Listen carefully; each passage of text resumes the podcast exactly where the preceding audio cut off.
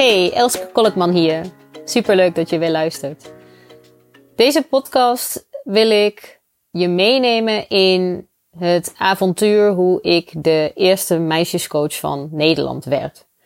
Want ik werd niet op een ochtend wakker en ineens ploef, toen was ik dat. Nou ja, dat had je vast niet verwacht ook, maar ik vind het zelf altijd wel leuk om bij een ander terug te horen. hey, weet je, wat heb je gedaan om te komen op de plek waar je nu bent? En um, ook interessant om te horen, ja, van hoe ver iemand gekomen is, om het maar zo te zeggen.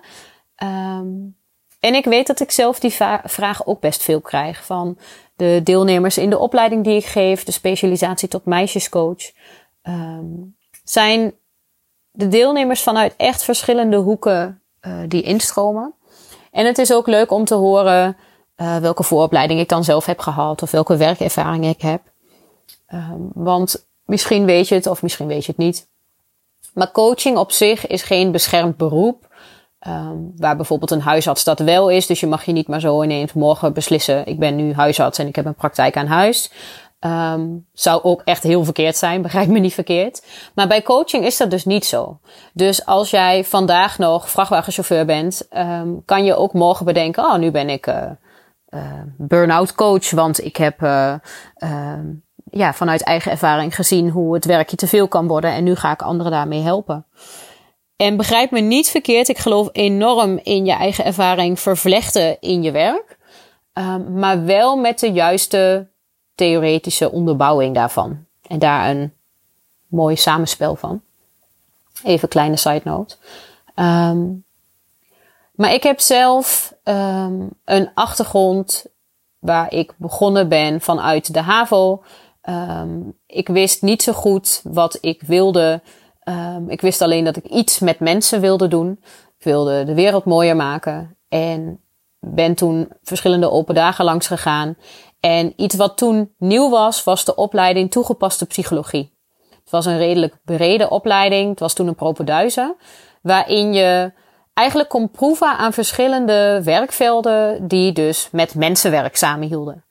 En ik zou dan na die propenduizen eventueel naar de universiteit kunnen gaan.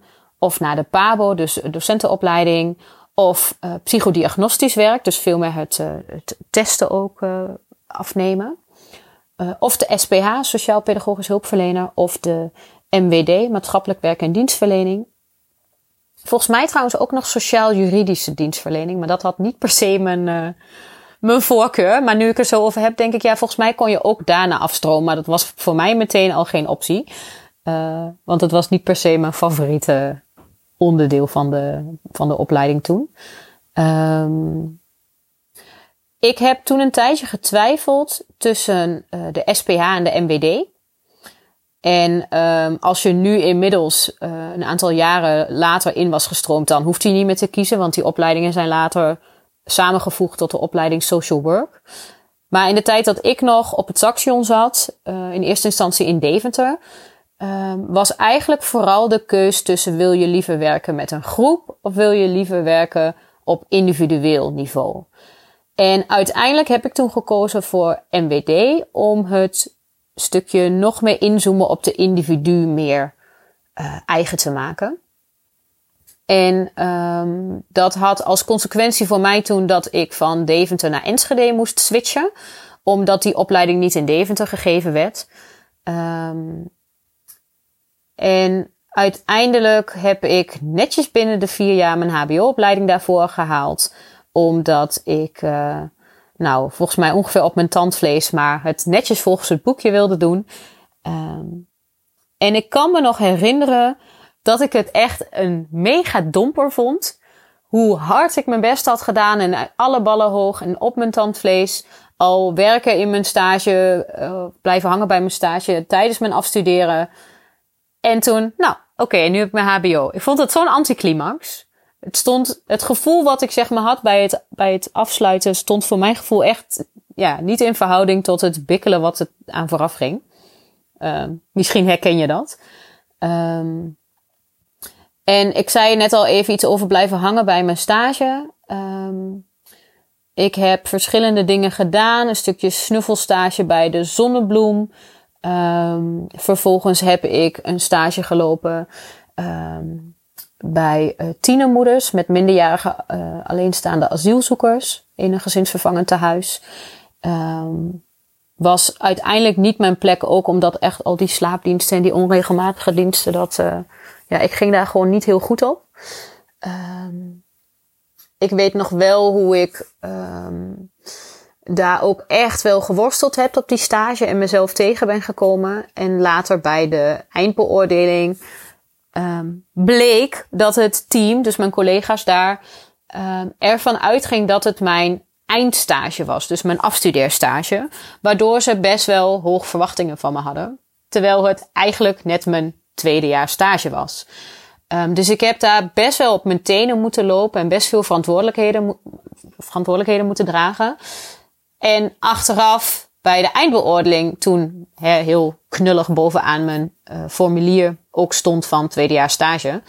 Um, toen kwam eigenlijk pas de realisatie van, oh, dit was dus niet je eindstudeerstage, afstudeerstage.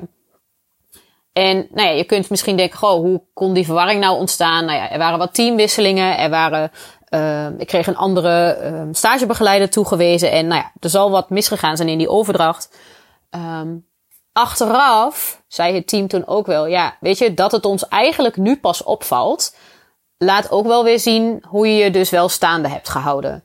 Um, ik kan me wel nog herinneren toen dat ik me echt soms met nou ja, hè, het gevoel van uh, overweldigd te zijn en overvraagd te zijn, dat ik me serieus afvroeg van nou, ik weet niet of ik wel geschikt ben voor dit werkveld. Terwijl eigenlijk was het nagenoeg mijn eerste echte stage en eerste echte nou ja, vlieguren in het werkveld. Maar um, dat heeft me dus wel um, achteraf ook een boost gegeven van oké, weet je, schijnbaar um, kan ik hierin toch meer dan ik dacht. Um, en heb ik uiteindelijk dus goede beoordeling gehad en mocht ik gewoon door naar het volgende jaar.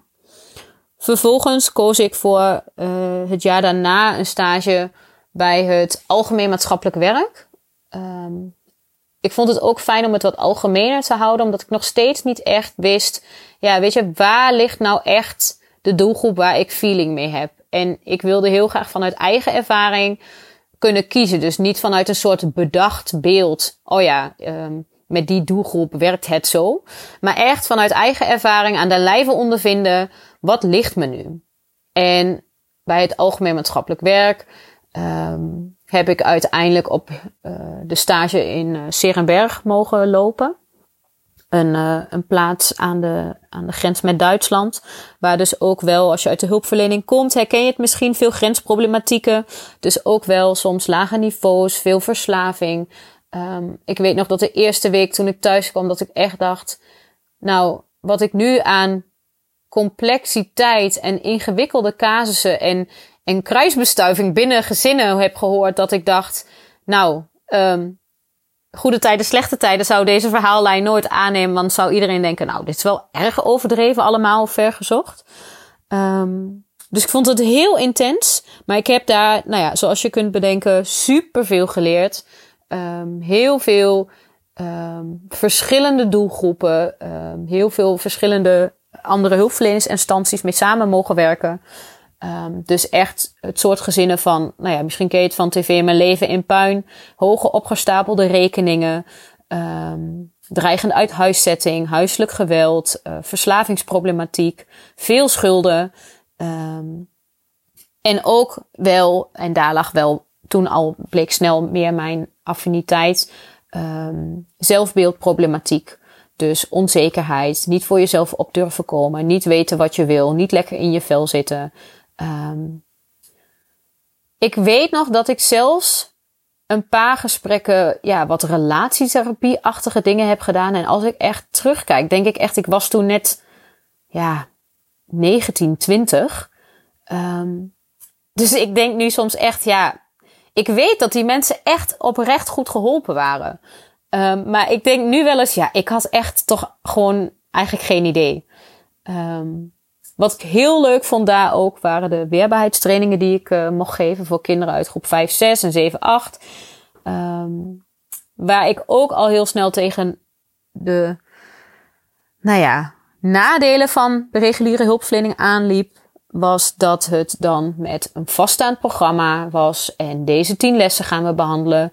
Um, en dat het niet zo afgestemd kon zijn op de groep, op de individuele hulpvraag. Dus ik merkte toen al wel op dat ik soms wat andere visie had op wat er werkt en wat nut had dan hoe het soms gedaan werd. En ik weet ook nog dat ik daar wel mee worstelde, want hè, dan ben je stagiaire en moet je je plek kennen.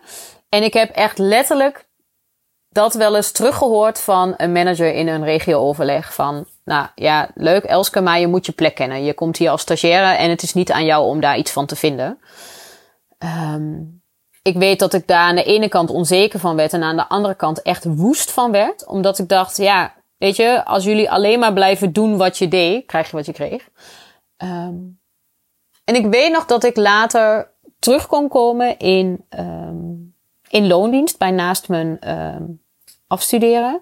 Omdat het team waar ik toen in werkte, daar um, viel één collega uit met hartklachten. Super heftig, maar uiteindelijk uh, nou ja, is dat wel uh, redelijk goed gekomen. en twee andere vaste gezichten daar, die gingen eigenlijk in dezelfde periode of op elkaar volgend met zwangerschapsverlof. En de organisatie wilde toen heel graag wel toch ook wat bekende aanspreekpunten voor bijvoorbeeld huisartsen of de medewerkers van de gemeente. En omdat ik daar wel een volledig jaar uh, eh, 32 uur lang meegedraaid had in het team, werd ik toen eigenlijk bij hoge uitzondering teruggevraagd om dus al voordat ik mijn diploma had, um, wel als volwaardig maatschappelijk werker mee te draaien. Um, ik heb toen ook mijn afstudeeronderzoek binnen diezelfde organisatie gedaan. En dat betekende dat ik op 20-jarige leeftijd als volwaardig, zelfstandig opererend maatschappelijk werkster aan de slag ging.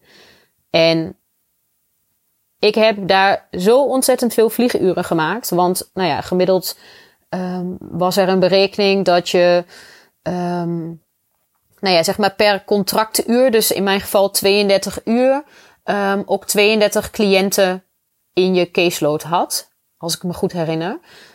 Maar daarbij naast had je de voorbereiding, de administratie, het huisartsoverleg, het afstemmen met andere hulpverleners, uh, uitzoekwerk, uh, afstemmen met uh, eventueel een bewindvoerder of een voogd, de stadsbank. Nou ja, noem maar op. En nu terugkijken denk ik wel eens, nou, hoe heb ik dat volgehouden? Bijnaast dus een afstuderen heb ik toen ook nog op veel verschillende plekken gewerkt. Want op een gegeven moment kwamen dus collega's weer terug van zwangerschapsverlof. En toen werd ik een soort vliegende kiep in de organisatie om verschillende zwangerschapsverlof of langdurig ziekte op te vallen. Of als er uh, extra ruimte kwam en er nog een potje was, dan werden er extra uren ingevlogen.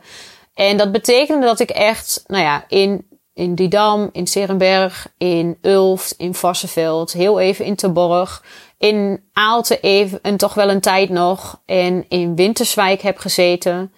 Uh, Dingsblo noemde ik dat al heel even nog, een tijdje. Um, dus ik heb eigenlijk best heel breed verspreid over de Achterhoek, de, de regio waar ik zelf ook vandaan kom, gewerkt. En ik heb toen heel veel verschillende hulpverleners mogen spreken, ook heel verschillende cliënten. Um, en daarmee dus ook een breed netwerk op mogen bouwen. Um, op een gegeven moment kreeg ik een vaste aanstelling. En um, eigenlijk in de crisis was het best bijzonder dat ik een vast contract terugkreeg. Zeker op mijn leeftijd. Um, ik was toen natuurlijk nog hartstikke jong. Ook voor 32 uur. In eerste instantie volgens mij zelfs 36 uur. Maar ik kwam erachter dat ik dat zelf niet prettig vond. Ik vond dat te veel in combinatie met een eigen huishouden runnen. En uh, nou ja, al die ellende. En ik heb uh, op een gegeven moment toen ook schoolmaatschappelijk werk gedaan voor het basisonderwijs. Uh, dus advies aan docenten. Um, en soms ook één op één gesprekjes met, uh, met kinderen. Um, om in kaart te brengen van oké, wat speelt er? Soms ook echt wel het stukje hulpverlening, hè, om net een, een zetje in de goede richting te kunnen geven. En doordat er steeds meer bezuinigd moest worden in de hulpverlening, um, verschoof die rol van maatschappelijk werker in mijn optiek steeds meer naar een soort managersfunctie. Dus case manager, oké, ergens instappen in een casus, in kaart brengen, wat speelt er en vervolgens lijntjes uitzetten naar um, of vrijwilligers, voorliggende voorzieningen of opschalen naar um, een diagnose en dat er dan een ander potje vrij kwam of via een verzekeraar om um, die financiering rond te krijgen. En ik merkte, ik geloof heel erg ook in de kracht van preventie, dat er steeds minder ruimte kwam voor zoals ik het echte hulpverlenen zie. Dus echt samen met een cliënt de diepte in, ernaast staan, uitpluizen. Um, ja, daar, daar was eigenlijk geen ruimte meer voor. En ik merkte dat ik dus ook het plezier uit mijn werk een beetje weg voelde sijpelen. Um, terwijl ik heel goed was wel in, nou ja, zoals dat in hulpverlenersland de zorgmeiders genoemd werd. Dus de multiproblemgezinnen die eigenlijk het liefst de deur niet open wilden doen voor vreemden, omdat ze dachten, nou, wie moet er nu weer iets van ons? Um, nou ja, ik, ik had schijnbaar, zeker toen was ik natuurlijk nog een heel stuk jonger, niet zo'n bedreigende uitstraling. En ik kwam vaak met mijn vermogen om af te stemmen wel binnen. Ik merkte ook dat ik dat dweilen met de kraan open, dat me dat tegen ging staan. Dat ik um, nou ja, bij wijze van spreken na een zomervakantie weer terug kon komen bij een gezin. En dat ik echt dacht, nou, we kunnen haast weer bij vooraf aan beginnen. Um, dus ik haalde wat, steeds wat minder voldoening uit mijn werk. Toen kwam er gelukkig de kans om schoolmaatschappelijk werkuren op te pakken. Um, op het AOC, dus het agrarische onderwijs. Uh, mijn ouders hebben vroeger zelf altijd een boerderij gehad. Dus ik vond dat echt, nou ja, alsof twee werelden in mij samenkwamen. Um, ik heb daar ontzettend van genoten. Inmiddels heet dat het Zonnecollege, dus het heeft een andere naam gekregen. Um, maar daar had ik dus de kans om echt, nou ja, weer wat meer van het, zoals ik het zie, het oude hulpverlenen op te pakken binnen de school. Dus echt gewoon cliëntafspraken met leerlingen die verwezen konden worden door hun mentor. Um, als ze ergens tegenaan liepen, of dat nou thuis was, stage of op school. En ik had dan de ruimte om ook echt een tijdje zelf met hun aan de slag te gaan. En als ik merkte, nou oké, er is toch echt wel meer nodig dan ik vanuit de rol als schoolmaatschappelijk werken kan bieden, ging ik met ze meekijken, oké, hoe kunnen we dat uh, doorverwijzen naar een andere instantie of daar extra hulp bij inschakelen. Maar ik kreeg heel veel vrijheid van uh, uh, nou ja, de, de, het team van die school om het in te kleden zoals ik daar zelf in geloofde. Toen kwam ik ook tot de conclusie dat ik best vaak het um, spanningsveld uh, tegenkwam van ja, oké, als ik nu kijk naar waar het schoolmaatschappelijk werk voor ingezet wordt, dan loop ik eigenlijk nu tegen een grens aan. Terwijl ik als mens en als professional eigenlijk nog lang niet klaar ben en nog heel veel mogelijkheden zie. Alleen voelde ik dan ook een soort spagaat en spanningsveld van ja, kan ik dat wel doen? Mag ik dat wel doen? En als ik dat dan soms checkte, kreeg ik ook wel eens de reactie van ja, maar dat is niet waar, um, waar we voor betaald worden, of dat is niet waar de begroting voor is. Um, en ik merkte ook dat me dat steeds meer tegen ging staan. Want waar ik uh, na het afstuderen van mijn HBO zei: Oh, nu ga ik voorlopig echt nooit meer naar school. Nou, heb ik ongeveer een half jaar volgehouden. Want ik ben altijd daarnaast ook uh, trainingen, workshops, scholingen uh, blijven doen, boeken gaan lezen, omdat ik steeds meer kennis wilde vergaren over hoe wij mensen in elkaar zitten en hoe ik nog beter van betekenis kon zijn en om ook mezelf beter te begrijpen. Um, dus ik stond daarin niet stil, terwijl de functie die ik bekleedde wel wat afgebakend was. Vervolgens kwam er een ontwikkeling en een bezuinigingsslag en besloten de gemeentes om steeds meer van de jeugdzorgwet um, in eigen hand te nemen. En werd er uh, steeds meer gebiedteams en uh, buurtcoaches en uh, jeugdconsulenten. Um, iedere gemeente in Nederland heeft dat anders ingekleed. Maar uiteindelijk had het bij mij het effect dat ik in het ondersteuningsteam terecht kwam. dat zich bezig hield met gezinnen, kinderen, jongeren. En op zich, die doelgroep lag me goed. Maar ik vond het heel ingewikkeld omdat er uh, binnen de eigen organisatie waar ik werkte um, veel geschoven werd met managers. En dat ik dan met de een iets had afgesproken wat vervolgens niet terug te vinden was in mijn dossier. Die manager was met de Noorderzon vertrokken. En de nieuwe manager die uh, was het er bijvoorbeeld niet mee eens. En daar had ik dan weer andere afspraken mee. Um, ik had namelijk in die tijd op een gegeven moment ook al mijn eigen praktijk. Mijn coachingspraktijk. Die deed ik bij naast mijn loondienst. En ik had dat bij de start netjes aangegeven. Uh, zodat er geen uh, grijs gebied over bestond. En ik had daar akkoord voor zolang ik maar niet um, ja, het netwerk dat ik had vanuit mijn loondienst ging misbruiken om mijn eigen praktijk in de kaart te spelen. Nou ja, dat zou ik nooit gedaan hebben. Uh, zat ook niet heel veel overlap in, ben ik heel eerlijk in. Um, want omdat ik ervoor koos om vanuit mijn praktijk te werken met uh, cliënten die het zelf betaalden, dus niet door een vergoeding vanuit een gemeente of vanuit een zorgverzekeraar, heb je toch vaak een andere cliëntgroep. Het maatschappelijk werk werd of betaald door de gemeente of op de school door de school. Dus voor de individuele cliënt was um, de hulp die ik bood gratis. En ik kwam er toen al heel snel achter dat dat ook voor scheve verhoudingen zorgde. Dus ik heb van best heel veel cliënten, kreeg ik bijvoorbeeld na de hand een doosje merci of een bos bloemen. Um, ik heb een keer een cadeaubon gekregen um, voor, voor een car wash, omdat ik dan op huisbezoek kwam en mijn auto altijd zo smerig was. Um, en officieel gezien mochten we het niet aannemen, omdat ja, je dan weer een soort van uh, scheve verhouding zou krijgen. Want ja, ik word betaald door de gemeente en um, uh, dus we moesten dat dan melden.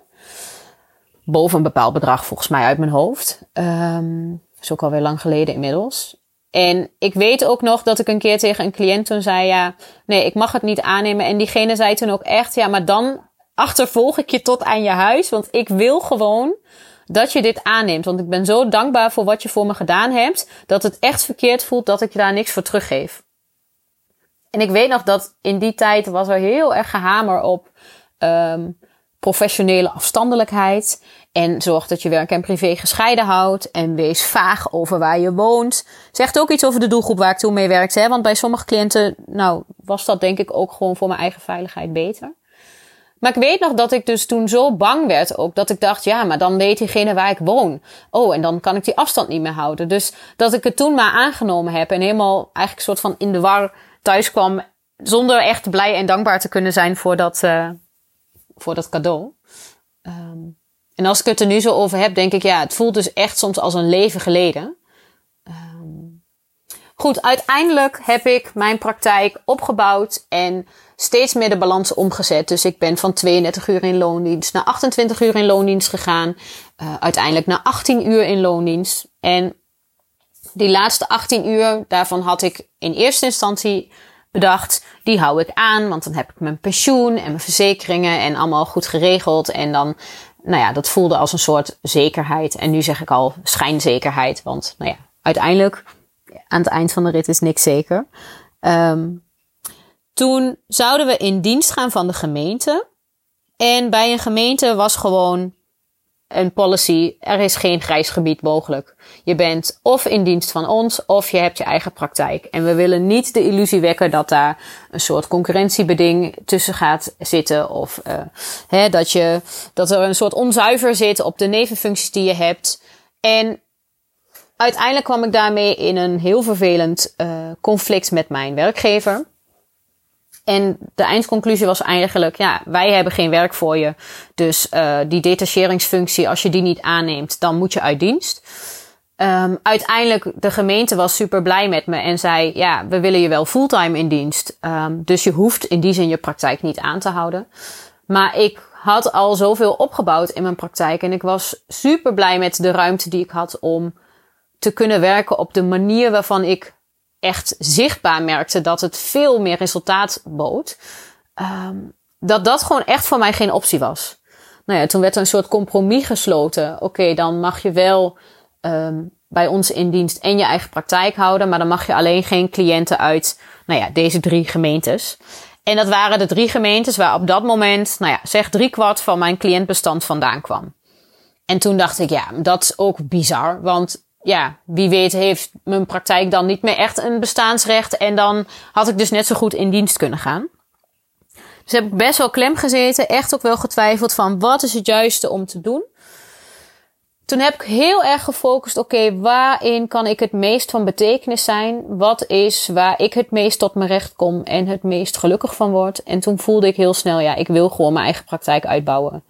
En toen heb ik echt als stip op de horizon voor mezelf gezegd van, oké, ik ga dit doen, ook al vind ik het doodeng, maar ik weet dat ik over een half jaar kan zeggen, het is de juiste beslissing geweest en ik uh, heb mijn loondienst niet meer nodig gehad en ik red me prima ook financieel. En ik weet nog dat ik 21 december toen mijn laatste werkdag in loondienst had. Nou ja, het was al voor de kerst en uh, nou ongeveer iedereen uh, was al weg. Dus echt een afscheid was er toen niet meer.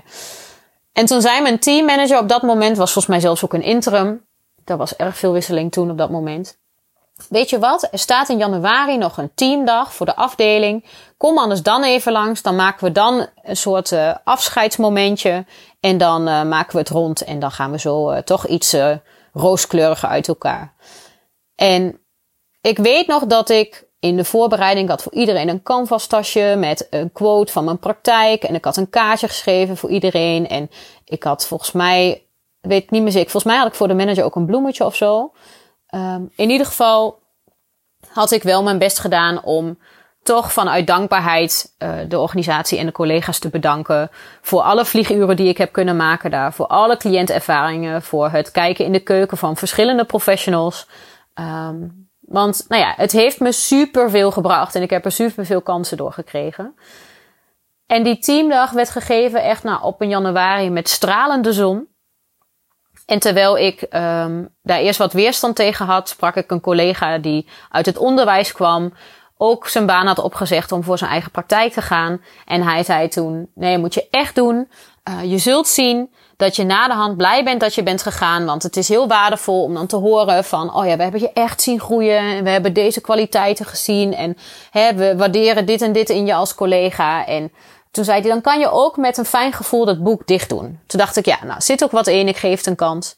En ik weet nog dat ik daar binnenkwam en dat sowieso, nou ja, niet eens de hele uh, afdeling compleet was. Ik denk dat de helft van de mensen er maar was. Het was een stralende dag en bovenin het uh, hoofdkantoor uh, hadden ze alle screens naar beneden gedaan, want anders was de zon te fel. Dus het was best wel een beetje een donkere sfeer. En dat voelde ook echt zo. En nou ja, achteraf bleek, er waren een aantal collega's meer die um, uit de organisatie gingen omdat ze in dienst gingen van de gemeente. Die waren die ochtend al geweest om afscheid te nemen. Nou ja, het was een beetje raar dat dat dus met mij niet afgestemd werd. En uiteindelijk, nou ja, uh, werd er toch maar even uh, uh, het programma onderbroken zodat ik afscheid zou kunnen nemen. En de manager die op dat moment het woord nam, zei: Nou, Elske, um, ja, um, bedankt. Je hebt hier nu, ja, hoeveel jaar had je hier ook weer gewerkt? Oh, zeven jaar. Oh ja, zeven jaar. Ja, nou, um, ja, bedankt en uh, veel succes. En dat was het. En toen kreeg ik een, uh, een soort porseleinen, ik weet nog steeds niet wat het is, een soort koekjestrommel uh, overhandigd. Wat dan beschilderd was door cliënten van de organisatie. de organisatie waar ik werkte, Sensieren, had ook een hele oudere tak. Dus met echt verpleeghuizen en zo. En dagbesteding volgens mij. En daar op de onderkant, onderkant stond een, uh, een logootje van Sensieren. Dus het was echt zo'n soort relatiegeschenk. Ja, het voelde echt van, oh shit, we hebben niks bedacht en dit lag nog ergens onder in de kast. Terwijl het ging niet om dat cadeau. Ik had het al leuk gevonden als in ieder geval collega's een kaartje hadden geschreven of zo. Ook dat was er niet. En nou ja, ik had dus wel wat voor iedereen. En ik weet nog dat ik in de auto terug zat en echt dacht, nou, wat een wanvertoning is dit um, een aantal echt collega's waar ik lief en leed mee gedeeld had, waren er niet. Um, dus toen voelde ook echt wel dat, oh ja, uit het oog is uit het hart. En ik stapte in de auto en in plaats van dat ik daar heel verdrietig van was, weet ik nog dat ik mijn zonnebril opzette en echt de zon op mijn gezicht voelde en dacht, ja, en nu rijd ik dus echt het licht tegemoet. Dit is echt de beste keuze. En zelfs dus toen een maand later bleek al dat ik het financieel gezien die 18 uur kon missen in loondienst en ik me prima redde. En even terugkomend op de vorige podcast, heeft dat ook te maken met een stukje besluit en geloven dat het haalbaar was voor me. En ik had mijn praktijk in eerste instantie opgezet voor kinderen, jongeren en hun ouders. En ik merkte toen al heel snel dat ik meer feeling had met ehm, de meisjes en de meiden en de vrouwen. En in de tijd dat ik daar me over uitsprak, was in hulpverlenersland er echt nog taboe op het niche. Nu is dat in de marketingwereld helemaal zo'n soort ding op zich. Maar toen was het echt, oh, je gooit je eigen ruiten in en je um, gaat het niet redden zo en je sluit mensen buiten. Terwijl ik toen heel erg voelde, ja, ik kom het meest tot mijn recht als ik duidelijk voor deze doelgroep kies. En ja, heel simpel. Ik ging gewoon denken, ja, hoe ga ik me nu noemen dan? Van huis uit uh, had ik toegepaste psychologie gedaan en maatschappelijk werk en dienstverlening. Maar ja, als je me een beetje volgt, ik ben niet zo'n standaard geitenwolle sokken maatschappelijk werken of zo. Terwijl ik heb heel veel collega's gehad die daar totaal niet aan voldeden hoor. Maar mensen buiten de hulpverlening hebben soms toch een soort wollig beeld van een maatschappelijk werken. Um, ik had in de tussentijd verschillende kindercoachopleidingen gedaan, basisvervolgopleiding, uh, pedagogische natuurcoaching gedaan, karakterologie. Um, maar op een gegeven moment zocht ik naar, ja, wat is dan kindercoach? Is het ook niet, want ik wil ook met jongeren en jongvolwassenen kunnen werken. Uh, jongerencoach was voor mij ook niet de term die de lading dekte, want nou ja, in ieder geval bij ons in de omgeving werd dat gauw gelinkt aan probleem- en hangjongeren. Terwijl de doelgroep waar ik veel mee werk, die zijn niet in die vorm uh, in de problemen. Die komen weer met andere uh, dingen in aanraking. Zal ik in een latere podcast meer over vertellen wat ik in mijn praktijk zie. En toen op een gegeven moment dacht ik, ja, eigenlijk ben ik gewoon meisjescoach. En echt, ik ben gewoon gaan googlen. En ik vond het super typisch, want de term jongenscoach bestond al. En de term meisjescoach niet. En er kwamen een paar zoekresultaten naar boven van een, een korfbalteam en een uh, hockeyteam en een voetbalteam die een coach zochten voor een meidenteam. En toen dacht ik, nou ja, dan ben ik dus de eerste meisjescoach van Nederland. En dat voelde meteen heel kloppend, omdat ik vanaf het begin af aan al voelde, ja, meisjescoach gaat voor mij echt over meisjes groot en klein in lengte, in leeftijd en in hoe je je voelt. En ook volwassen vrouwen hebben een innerlijk meisje in zich. Dus zo werd ik de eerste meisjescoach van Nederland. En dat heb ik een aantal jaar gedaan. En vervolgens kreeg ik steeds meer ook de vraag van ja, weet je, welke kennis heb je nu opgedaan? Of wat maakt nou een meisjescoach een goede meisjescoach? Of hoe begeleid ik deze doelgroep? En toen zei ik ja, ooit als ik later groot ben, dan uh, ga ik die kennis doorgeven. Totdat uh, mijn toenmalige businesscoach me zei, ja, maar hoeveel groter moet je worden dan? Want, nou ja, ga eens uitschrijven wat je nu allemaal al te vertellen hebt. En toen kwam ik eigenlijk heel snel tot een halfjaarprogramma. En zei ze, is dit niet al volledig genoeg dan? Uh, ja, blijkt dus. En um, zo is ook de specialisatie tot meisjescoach ontstaan. En op het moment dat ik dit opneem, um, ben ik bezig met alweer de zevende lichting. En start 20 mei alweer de 20ste. Of de 20 mei de achtste lichting. En had ik dus, nou ja, nooit kunnen denken toen ik, um, nou ja, van de HAVO af kwam rollen, dat ik hier nu zou staan met mijn eigen bedrijf en um, een opleiding. Uh, dat ik vakoprichter zou zijn, vakopleider zou zijn. Um, inmiddels geef ik ook mijn kennis door uh, door te spreken op congressen. Ik heb uh, scholingen gegeven bij middelbare scholen aan docenten, aan intern begeleiders. En mijn missie is echt geworden om dus van betekenis te zijn voor meisjes, meiden en vrouwen. Um, en de kennis over hoe je deze doelgroep beter kan zien en kan bedienen. En ook eerder kan signaleren dat die worsteling er is. Om te voorkomen dat problemen groter groeien dan nodig is. Um, daar haal ik echt ontzettend veel voldoening uit. En dat is ook wat me gesterkt heeft om uiteindelijk die opleiding in de wereld te zetten. Omdat ik, nou ja, vlak voordat ik zelf moeder werd, zes dagen in de week werkte ongeveer. En ik heb inmiddels twee meiden, hè, hoe kan het ook anders? Um, wordt me vaak gezegd. Um, maar ik voelde heel sterk, ik wil niet als moeder altijd aan het werk zijn. Want waarom dit voor mij heel belangrijk is, is omdat ik meisjes en vrouwen gun dat ze zich uh, goed voelen, dat ze zichzelf durven te zijn, dat ze van betekenis kunnen zijn en durven te dromen dat het voor hen weggelegd is. Uh, maar ik wil dat in eerste instantie natuurlijk voor mijn eigen meisjes. Dus ik wilde een moeder zijn die ook echt de combinatie maakt van werken en thuis zijn. Toen dacht ik, ja, maar ik heb het nu zo druk. Ik heb, ik moet wel mijn kennis verspreiden, zodat ik ook kan verwijzen naar kundige collega's. Um, nou ja, dus dat, dat loopt. En daar zal ik later nog wel eens meer over vertellen. Um, maar zo werd ik dus de eerste meisjescoach van Nederland. En ging ik van um, stage naar loondienst, naar een vast contract, naar een eigen praktijk en en naar de balans steeds meer omzetten naar meer uren eigen praktijk en minder loondienst. Naar uiteindelijk dat laatste stukje loondienst loslaten. En wat ik je daarmee ook hoop mee te geven, is dat het dus in kleine stapjes mag. En dat het ook en-en kan.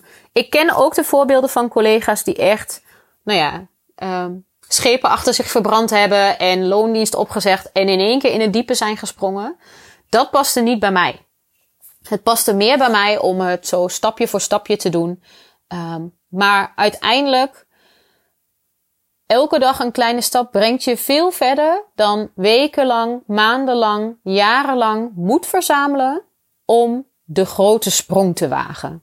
En dat is iets wat ik om me heen nog veel te veel zie. Dus als er iets is wat je uit deze podcast aflevering meeneemt voor jezelf, hoop ik dat het is dat je um, een doel mag bepalen en het ook met kleine stapjes mag doen. En ik ben wel benieuwd of je überhaupt voor jezelf helder hebt van oké, ik zou ook die eigen praktijk willen of ik zou een switch willen maken qua werk. Want dat is wel wat ik in de professionals die ik spreek vaak zie. Dat ze op een bepaald vlak niet helemaal voldoening halen uit hun werk. Of meer signaleren dan dat ze tot nu toe zelf kunnen dragen. Waardoor ze kennis of tools missen om dat op de juiste manier aan te vliegen. En dat is dus ook waar ik ze bij help om um, een stukje persoonlijke ontwikkeling. Dus wie heb je te zijn als professional om dat te kunnen dragen. Maar ook echt het aanvullen van theoretische kaders, praktische handvaten en oefeningen. Om meer van betekenis te kunnen zijn voor de doelgroep waar je mee werkt. En nou ja, dat maakt mijn werk echt mega betekenisvol. En uh, nou ja, mocht je daar nou hebberig van worden en meer van willen, uh, kijk eens op meisjescoach.nl om te zien of misschien de specialisatie tot meisjescoach ook iets voor jou is. Zit je nou in een ander werkveld, um, maar ben je toch geïnspireerd, ben ik heel benieuwd wat jij er voor jou uithaalt. Want ik geloof ook dat er los van werkveld lijntjes in zitten voor, uh, voor iedereen. Om te gaan voor waar jij het meest tot je recht komt. Dus als je dat met me zou willen delen, zou ik heel leuk vinden. En uh, Bedankt weer voor het luisteren. En uh, nou ja, tot de volgende keer. Geniet van je dag.